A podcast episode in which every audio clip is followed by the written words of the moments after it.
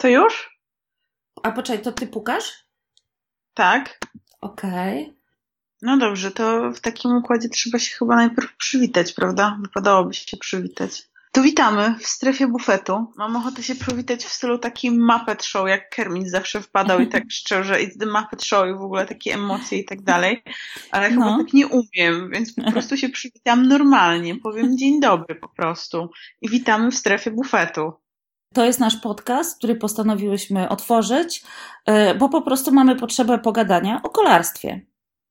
Znaczy, może Arlena ma potrzebę pogadania, ja tutaj doprecyzuję, bo Arlena jest w ogóle guru i mistrzem, a ja tutaj jestem takim e, małym dodatkiem, ja tu tylko sprzątam i ewentualnie zadaję dodatkowo jakieś pytania i wyciągam cenną wiedzę i informacje to się wytnie, bo wcale tak nie jest. Trochę jesteś y, nadmiernie skromna. To taka kokieteria, jak myślę. Oczywiście. No właśnie.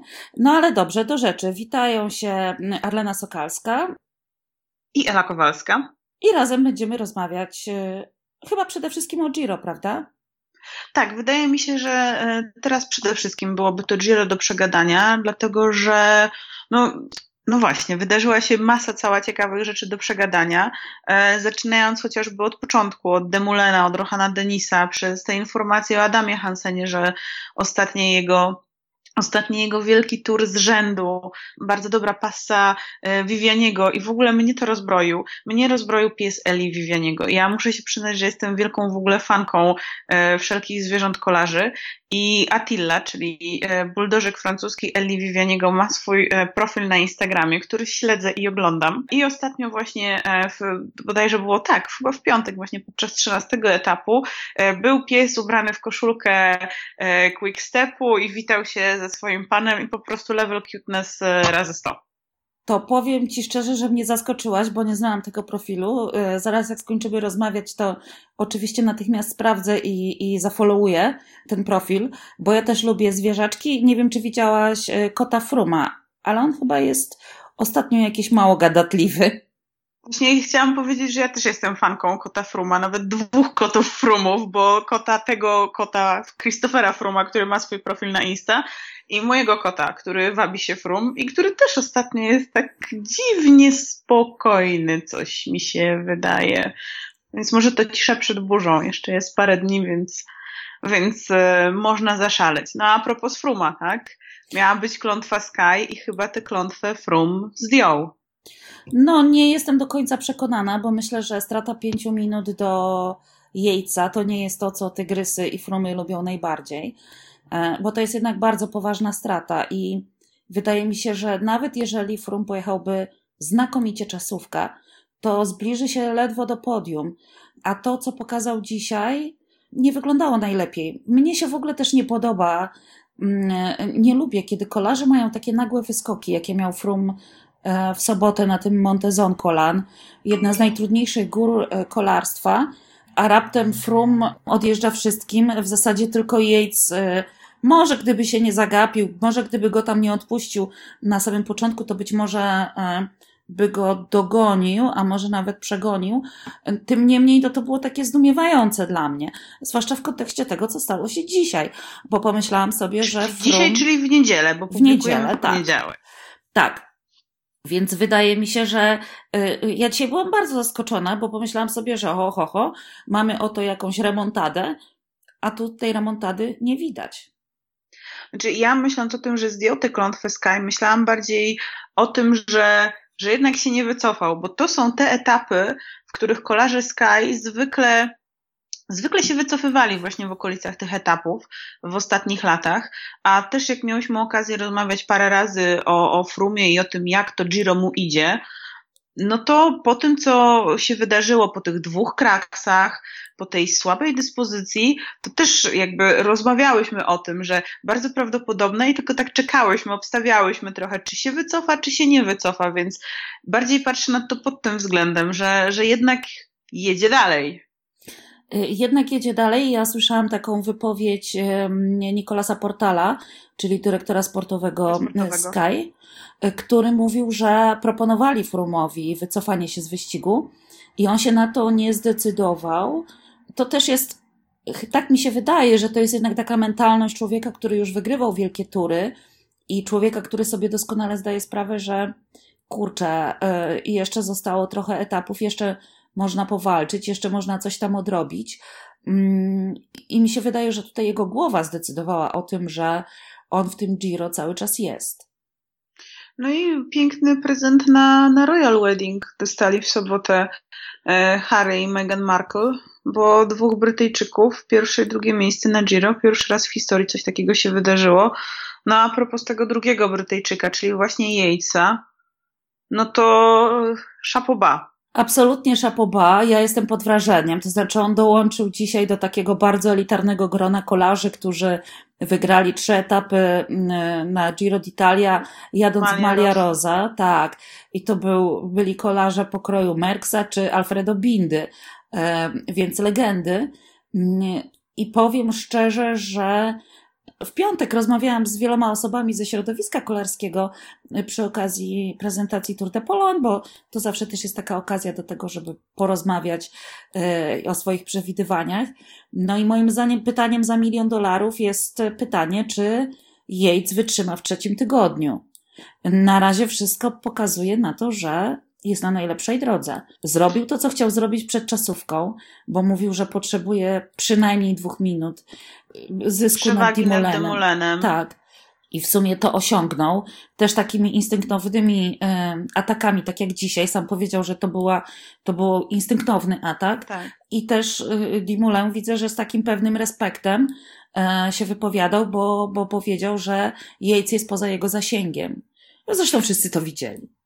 Ale to też, e, też mi się wydaje, że jej sobie pomogło troszeczkę również to, że tam nie było zgody między tymi pozostałymi kolarzami, którzy, e, którzy jechali dzisiaj za nim, czyli w nie, dzisiaj, czyli w niedzielę.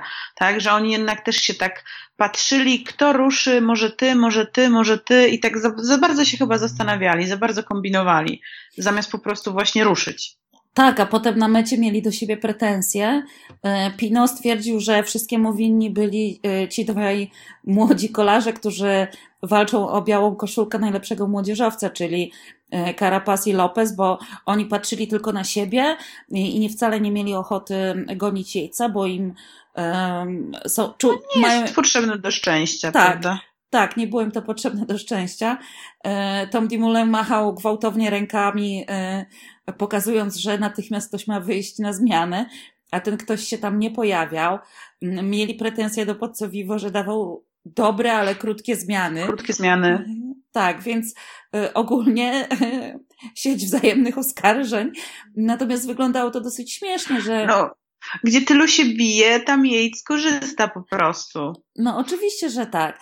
I, i wyglądało moim zdaniem to trochę śmiesznie, że, że y, tacy świetni kolarze nie potrafili się dogadać, no. Ale tak to jest na wyścigach, no. Yates zrobił to, co miał zrobić, a to, że inni nie potrafili.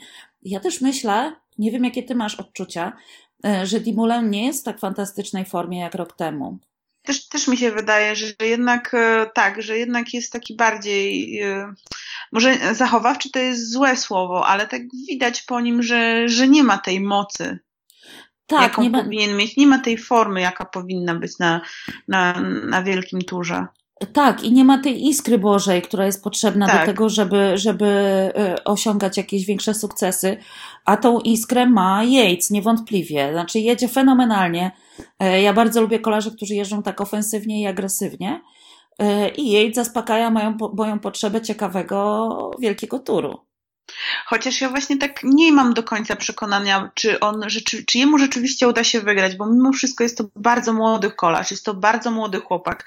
Pytanie, czy odpowiednio rozłożył te siły. Okej, okay, ma tę przewagę przed, przed czasówką, ma to, co chciał, atakował, ma wygrane etapowe.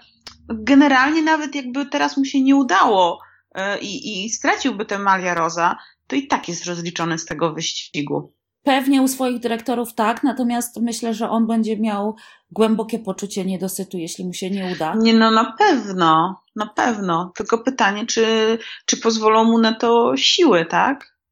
On ma bardzo dobry zespół. To jest niewątpliwe. To, to prawda. E, więc myślę, że e, z pomocą zespołu jest w stanie to utrzymać. Mm, I wydaje mi się, że on jest w takiej formie. Że nie będzie tracił, że wytrzyma. On nawet, on nawet przebąkiwał, e, mówił na samym początku e, Giro, że on uważa, że e, Mitchelton Scott ma najlepszy, najlepszy zestaw kolarzy, najlepszą ekipę na góry. I to się no, rzeczywiście sprawdza. Tak, to znaczy już lista startowa wyglądała imponująco, ale lista startowa oczywiście w wyścigu nie jedzie. Natomiast to, co robią ci kolarze, pełen szacun. To jest na, no i... na pewno najsilniejsza ekipa. Znaczy ja w ogóle też patrzę na to, co robi Jack Haig i jak, jak patrzę na to, co robi Jack Haig, to przypomina mi się ubiegłoroczny Tour de Pologne, ta wieliczka zakopane, a jak mówimy o Tour de Pologne i o młodych kolarzach, to wiadomo, jakie, e, jakie powiedzenie mi się, e, mi w głowie świta, tak? Więc Możemy nawet już płynnie przejść do Tour de Pologne, jeśli masz ochotę, e, do prezentacji, do trasy, chyba że masz jeszcze potrzebę porozmawiania trochę o, o Giro. To może na koniec wrócimy jeszcze do Giro, y, y, porozmawiamy trochę o, o tym, co czeka kolarzy, bo to też jest ciekawe, prawda? Czasówka i, i bardzo, bardzo intensywne etapy w górach. Natomiast tak, y, Tour de Pologne bardzo piękna prezentacja, muszę powiedzieć. Zrobiła na mnie wrażenie. No właśnie, e... chciałam się Ciebie zapytać, ponieważ ja nie byłam, więc opowiedz, jak było. Czy rzeczywiście było tak pięknie, jak to wyglądało na Twitterze i Instagramie? Faktycznie było tak pięknie. Ja się zawsze wzruszam, kiedy są pokazywane takie stare, archiwalne materiały związane z wyścigami kolarskimi i ta moja potrzeba została w pełni zaspokojona, ponieważ e, faktycznie te fragmenty filmów z tego pierwszego, to się nazywało Bieg dookoła Polski, e, fantastyczne zupełnie. Ci starzy mistrzowie w tych takich zupełnie innych trykotach, z tymi dętkami e, przełożonymi przez ramiona i plecy, e, to zawsze na mnie robi wrażenie. I puszczono ten film również w taki mm, to się nazywa mapping, e, w ten sposób, że ten film był, stał się elementem fasady pałacu w Wilanowie. E, zresztą tam w tym pałacu te, te pokazy się odbywają również na inne tematy, nie tylko kolarskie, ale tutaj akurat y, y, ten film wyglądał naprawdę fantastycznie. I to rekompensowało to, że było już trochę chłodno. E, wszystko się odbywało na świeżym powietrzu a musiało być ciemno, żeby to dobrze wyszło.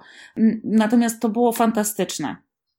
No wiadomo, że Czesław Lang, jeśli chodzi o show, to, to potrafi zrobić, ale jak, ja jestem bardzo ciekawa, jak widzisz tę trasę, bo ja mam troszeczkę może takiego niedosytu, bo rzeczywiście ona jest bardzo podobna do tego, co, co było w ubiegłym roku i tak mnie to aż tak bardzo nie rozczarowuje, y, bo tak często wyścigi wyglądają, y, że, że, te, że te etapy y, się ciągle powtarzają, a też chyba my nie mamy aż takiej możliwości, Czesław Lang nie ma aż takiej możliwości, jak organizatorzy Tirreno Adriatico czy, czy Paryżnica, gdzie mają więcej tych gór, że tak powiem, do obskoczenia.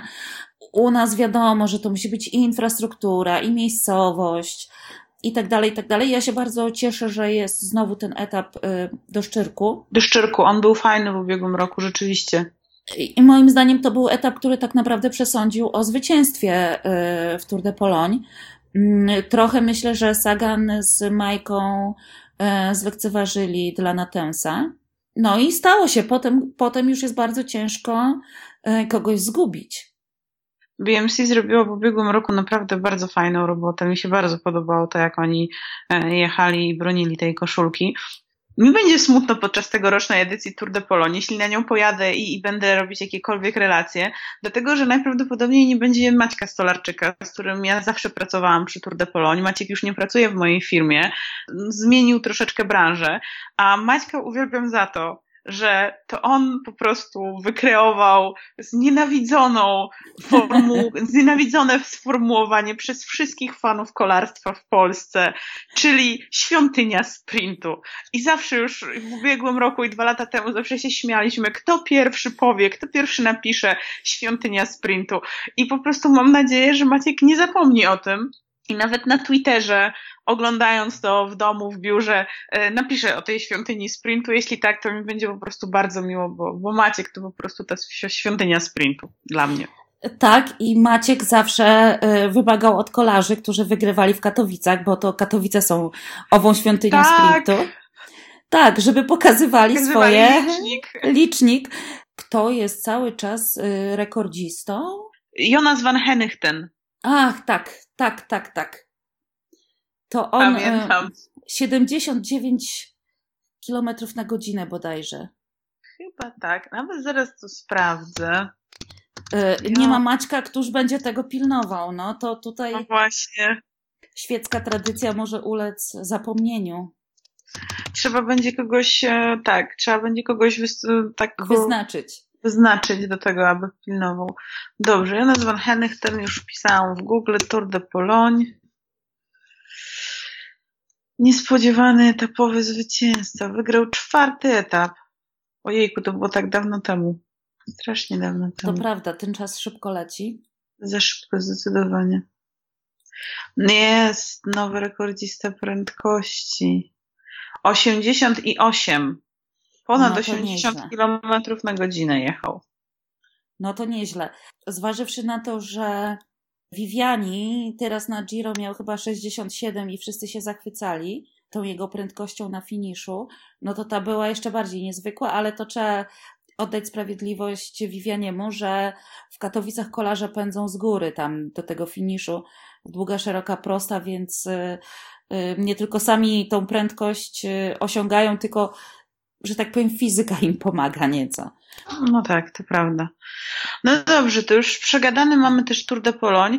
A ja bym chciała wiedzieć, jakie masz, e, jakie masz odczucia po Kalifornii wobec Rafała Majki. Ja się od razu przyznam bez bicia, e, że tę Kalifornię trochę w tym roku zaniedbałam, więc tutaj już zapytam po prostu eksperta. Co ekspert sądzi o formie Rafała Majki po e, Tour of California? Bo moim zdaniem nie ma powodów do rozpaczy, tak jak to niektórzy piszą, że o Boże, o Boże, nie ma progresu i tak dalej. E, Majka w tym roku przyjął bardzo dziwną, według mnie, e, jak na to spojrzeć tak e, bez kontekstu, e, linię przygotowań, dlatego że e, on w zasadzie e, od dwóch miesięcy, półtora miesiąca nie brał udziału w żadnym wyścigu. Zazwyczaj ostatnim jego takim poważnym wyścigiem było Tirreno Adriatico w marcu. E, I on zazwyczaj jeszcze brał udział w jakiejś etapówce w Hiszpanii, czyli albo w Katalonii, albo w kraju Basków. W tym roku e, ominął to. Przyjechał tylko, wpadł niejako na e, Lierz-Baston-Lierz mm, i znowu się oddalił.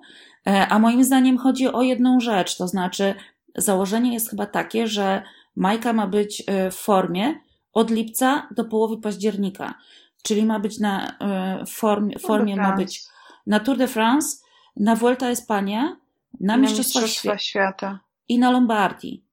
I moim zdaniem takie jest założenie, stąd jest y, ten jego start sezonu został bardzo przesunięty. I ja się osobiście nie martwię tą formą. E, On nie jeździł w wyścigach, jeździł tylko na, miał treningi i obozy. Zajął szóste miejsce.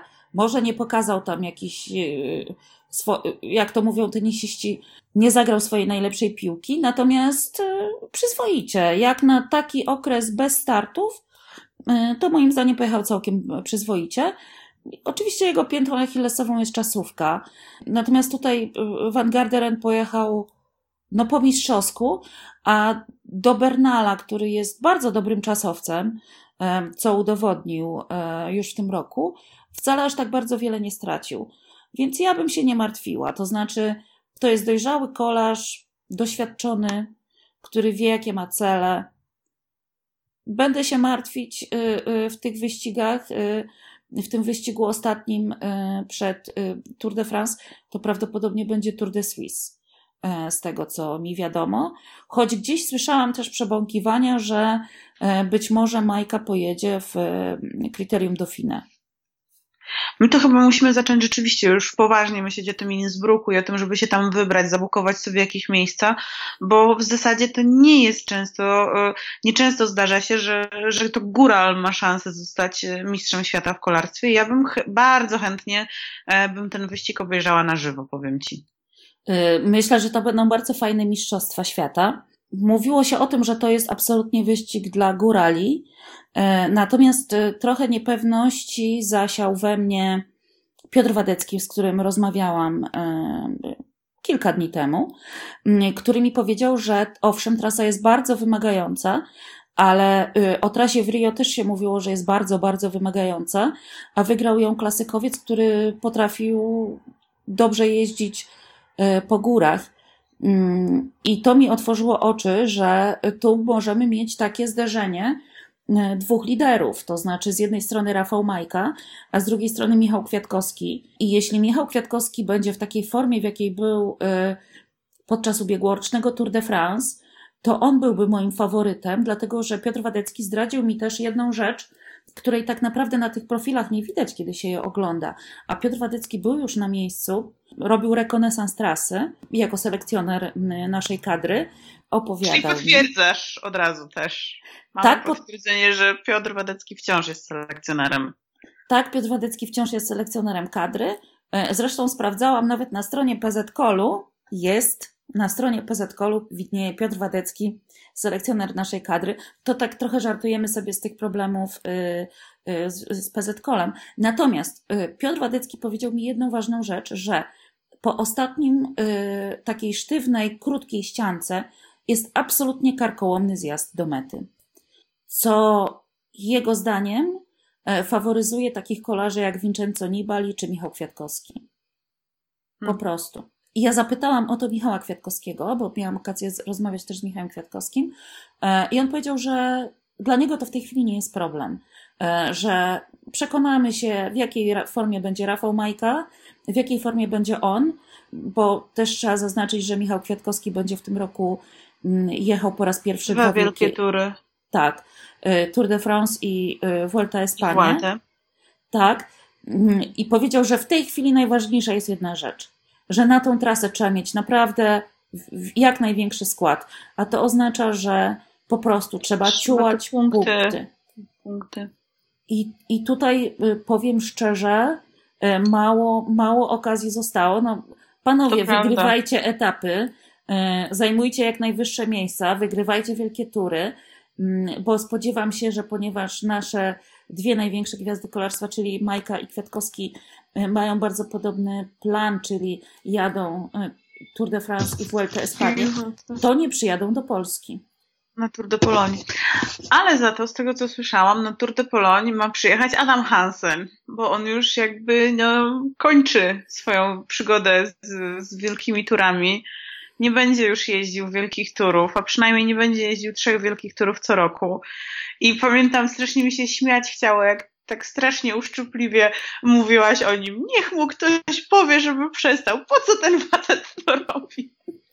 No tak, i przestał, tak. posłuchał cię. Ja już od dawna twierdziłam, że on to je robi kompletnie na bezdurno, e, bo jeszcze kiedyś e, wygrywał e, przynajmniej etapy jeżdżąc te wielkie tury. Ostatni etap wygrał w 2013 roku na Giro. E, to zobacz, ile lat on jechał po prostu bez sensu. Kompletnie bez sensu. Z tego rekordu nic nie wynikało, a on jeździł, no był coraz bardziej zmęczony, no bo trudno, żeby kolarz nie był zmęczony, jak przejeżdża trzy wielkie tury w jednym roku. Ekipa z niego pożytku żadnego nie miała. On sam żadnego pożytku z tego nie miał. Może bo... jak ty go ciśniesz. On taki tak. sympatyczny chłopak. E, ja go bardzo lubię, bo to jest faktycznie bardzo sympatyczny kolarz. Jest bardzo trochę... inteligentny. E, on jest, zdaje się, informatykiem z Tak, tak, on, tak. Tak. Nawet z tego, co mi opowiadał, bo ja w ubiegłym roku robiłam z nim wywiad, to sobie nawet lubi laptopa zabierać i tak popracować sobie lubi tak wieczorem. Przynajmniej tak mówił. Nie wiem, nie sprawdzałam. Pewnie tak, no. Co szkolarze mają robić wieczorami? Albo oglądają filmy, albo dzwonią do swoich narzeczonych lub żon, yy, dzieci przez Skype'a, albo programują na laptopie. No, a po, o, po, poza programowaniem, to, to Hansen w ogóle uwielbia wszelkie prace domowe, więc wydaje mi się, że dobrze trafił z ekipą, bo na pewno nie narzeka na brak silikonu i tych innych y, materiałów wykończeniowych. Być może właśnie dlatego jeździ w Lotto Sudal albo w Lotto Fix All, bo na Giro bo Fix All. nazwę. Tak. To jest suchar straszny. Hansen Fix All. Natomiast y, on też robi buty. Tak. Takie robi... dziwne y, kapcie kolarskie. Tak, i bardzo lekkie robi te buty. On robi je z jakiegoś włókna węglowego, karbonowego, jakoś tak. Ja nie pamiętam już dokładnie, ale on tłumaczył mi zawiłości tych butów. I te buty to tak e, w cenie, tak szanuje się pan, jeśli chodzi o ceny tych butów. Ciekawe, czy swoim kolegom z drużyny robi za darmo. Ale myślę, że nie. Można by było musimy spytać, tak, właśnie, musimy zapytać Tomasza Marczyńskiego, czy ma parę butów od Adama Hansena. No. Natomiast wracając do Tomasza Marczyńskiego, to jego lider, któremu on najczęściej pomaga w wyścigach, czyli Tim Wellens, y, wycofał się już z Giro d'Italia. Crouch się też wycofał, szkoda, no. No szkoda. E, to są oczywiście różne przyczyny. Ja się zastanawiam, czy nie czeka nas wycofanie się Fabio Aru. Bo to, co dziś widzieliśmy na etapie, tak, wyglądało strasznie. Tak, tak, tak, to prawda. Natomiast to prawda. Męczył, się. męczył się bardzo i, i powiedział, że słyszałam taką jego wypowiedź, że on powiedział, że to nie jest prawdziwy Fabio Aru. Powinien udać się na poszukiwanie samego siebie, zajrzeć do swojego wnętrza i sprawdzić, gdzie jest prawdziwy Fabio Aru. No to ma jeszcze czas, bo akurat y, poniedziałek, czyli rest day, może mu się uda znaleźć przed czasówką jeszcze. No tak, ale w tej chwili, no to Fabio Aru, nawet jeśli odnajdzie choćby cień swojego, tego prawdziwego tak Fabio pozamiatane. pozamiatane i raczej, no nie wiem, może próbować wygrać etap z jakiejś odległej ucieczki. Być może nie będą gonić. Przy czym tutaj to jest bardzo ciekawe, bo w tym Giro jeszcze żadna ucieczka nie dojechała, zdaje się, do mety. Przynajmniej na tych górskich etapach ponieważ y, Mitchelton Scott y, wszystkie ucieczki trzyma na bardzo krótkiej smyczy, ponieważ Adam Yates y, umyślił sobie Simon. zdobywać bonifikaty. Simon Yates. A co, co powiedziałam? Adam Yates? Adam Yates, a Adam był w Kalifornii. W Kalifornii, tak, więc tak. Simon, oni są nierozróżnialni, jak jadą w jednym wyścigu. Pamiętam, w którymś z wyścigów yy, nosili inne skarpetki, inne buty, żeby można ich było rozpoznać, wtedy, kiedy jechali razem, a w innym wyścigu jeden sobie zapuścił brodę. Nie rozmawiajmy o brodatych kolarzach, bo ja jednak, yy, tak, nie rozmawiajmy o brodatych kolarzach. Bo Dobrze. zejdziemy jeszcze na Taylora i w ogóle. Tak, lepiej nie, lepiej zostawmy ten temat. Ja nie przepadam za brodatymi kolarzami, wydaje mi się, że ja to też. nie jest aero. Tak, mi też się wydaje, że to nie jest aero i jak widzę Marcela Kittela, to mam wrażenie, że on jest zdecydowanie bardziej aero. Tak, tak. Więc kolarze, pamiętajcie, y, gulcie się przed etapami, będziecie bardziej aero. I nie chodzi o nogi. Dobrze, to już jest. No, to, to też kolarskie nogi. Kolarskie nogi to też ciekawy y, wąteczek, że tak powiem. Nie wiem, czy pamiętasz, jak na którymś z wyścigów y, Peter Sagan pojawił się z nieogolonymi nogami. Oj, była to nie, wielka nie, nie. sensacja. E, ze dwa lata temu to był jakiś jeden z pierwszych wyścigów w sezonie. Nie wiem, dlaczego on to zrobił, ale wyglądał co najmniej dziwnie. Nie, już zostawmy te nogi, bo naprawdę wyjdzie nam po prostu suchar za sucharem. Czy coś nam jeszcze zostało w takim układzie na koniec do obgadania? Chciałaś wrócić do Giro, bo w zasadzie wokół tego Giro cały czas krążymy. No wtorek czasówka. Ja jestem bardzo ciekawa tej czasówki. No, więc ja jestem bardzo ciekawa, jak pojedzie, e, jak tę czasówkę pojedzie Dimulę i pojedzie ją Frum. Oczywiście e, sercem, jak zawsze, jestem za Rohanem Denisem i też jestem w zasadzie ciekawa, jak jak pojedzie tę czasówkę, chociaż on to już tak ma pozamiatane, e, ale przynajmniej próbował. Tak jak mówił, chciał się sprawdzić jako e, lider na wielki tour, chciał zobaczyć, jak mu to wyjdzie. Wszyscy wiemy, jak mu to wyszło. Fajnie, że miał tego koszula różowego przez kilka dni z rzędu. To pierwszy raz mu się zdarzyło w karierze. Nauczył się, na pewno jakieś wnioski z tego wyciągnie. No i yy, Rohan Denis dzisiaj przyjechał na metę szybciej niż Chris Froome. Więc też pełen szacun. To też o czymś świadczy. Tak, a to wyglądało Ale w ogóle dosyć... Ale dzisiaj urodziny, to dlatego, bo pewnie zjadł to cia... tego ciastka zjadł i to ten Ach, ciastek tak. tak ciążył na pewno. A, w urodziny się nie ścigamy po prostu. W urodziny się nie ścigamy, tak. Z tego, co ja kojarzę, to mm, Michał Kwiatkowski ma urodziny w czerwcu, więc chyba nie będzie wtedy na żadnym wyścigu. Natomiast Rafał Majka tradycyjnie powinien mieć urodziny w czasie Vuelty. Więc mam nadzieję, że nie weźmie sobie tego do serca, że nie ścigamy się w urodziny. E, ale wracając do Fruma, to wyglądało to dosyć żałośnie, jak e, no, mijali go kolarze, którzy no, teoretycznie jeżdżą znacznie słabiej w górach niż on. Mm, to taki przykry element y, z dzisiejszego dnia. Ja znowu wrócę do tego, że jak w takim razie ten facet y, odjechał wczoraj wszystkim. Ale nie odpowiem na to pytanie, bo nie znam odpowiedzi. No ja też się uchylę od odpowiedzi i tak y, będę starała się w takim układzie zgrabnie zmienić temat. I kolejne pytanie do eksperta. Jak ekspert w takim układzie, jak, jak, jak widzisz ten, ten ostatni tydzień Giro? To znowu jest pytanie za milion dolarów, bo oczywiście jak się spojrzy na, e, na te mapki z tymi profilami e, i tam są takie podjazdy, choćby Finestra, gdzie jak ktoś będzie miał słabszy dzień, a to jest środek etapu i na tym podjeździe nie da rady, no to tam on przyjedzie na metę ze stratą nie pięciu nawet minut, tylko piętnastu. Więc moim zdaniem tam się może zdarzyć wszystko. A równie dobrze może się nie zdarzyć nic, jeżeli będą ten podjazd jechać bardzo spokojnie. Przy czym tutaj też będzie kluczowa czasówka, bo jeżeli. Tak, ta czasówka. No. Tak, jeżeli Adam Yates na przykład straci koszulkę. Simon. Czas... Co ja mam z tym Adamem? To wszystko przez tego Hansena. Hansena, wiedziałam, że tak powiesz. Jeżeli, jeżeli Simon Yates, tak, klątwa. Jeżeli Simon Yates, według mnie, jeżeli Simon Yates y, straci koszulkę, to zrobi wszystko, żeby ją odzyskać, a wtedy można się spodziewać piekła od kilometra zero po prostu. Ponieważ mówię, jego ekipa jest taka, że, że są w stanie to piekło zorganizować e, innym kolarzom. No, bardzo ciekawe. Bardzo fajne jest też to, i to mi się bardzo podoba, że w zeszłym roku ta czasówka tak jakby kończyła rywalizację. Tak. E, była przedostatnim etapem, a w tym roku jest czasówka i tak naprawdę była cały trzeci tydzień. etapem czasówka. Czasówka była ostatnim etapem. Albo może nawet ostatnim, tak, bo nie było sprinterskiego, prawda? Tak, na 100% mhm. była czasówka ostatnim etapem, bo to była Monza do Mediolanu i pamiętam jak ze względu na to, że właśnie ta czasówka była z Moncy do Mediolanu jak przyjechałam do Moncy, to musiałam iść 5 kilometrów e, od e, stacji kolejowej do toru.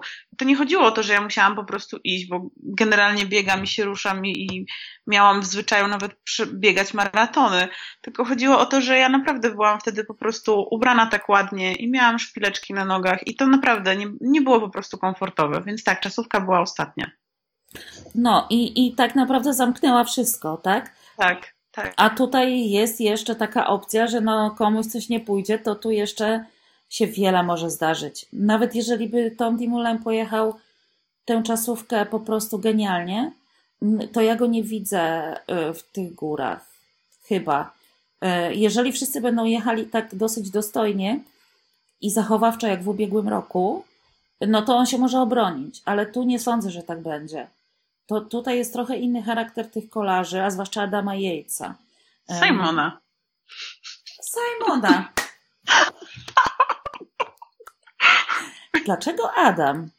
Bo może ja bardziej, może ja bardziej lubię Adama, tylko o tym nie wiem. Może, może. A może tak naprawdę to jedzie Adam, tylko też o tym nie wiemy. To w ogóle bardzo ciekawa sprawa. Oczywiście nie, ale tak zastanowiłaś mnie.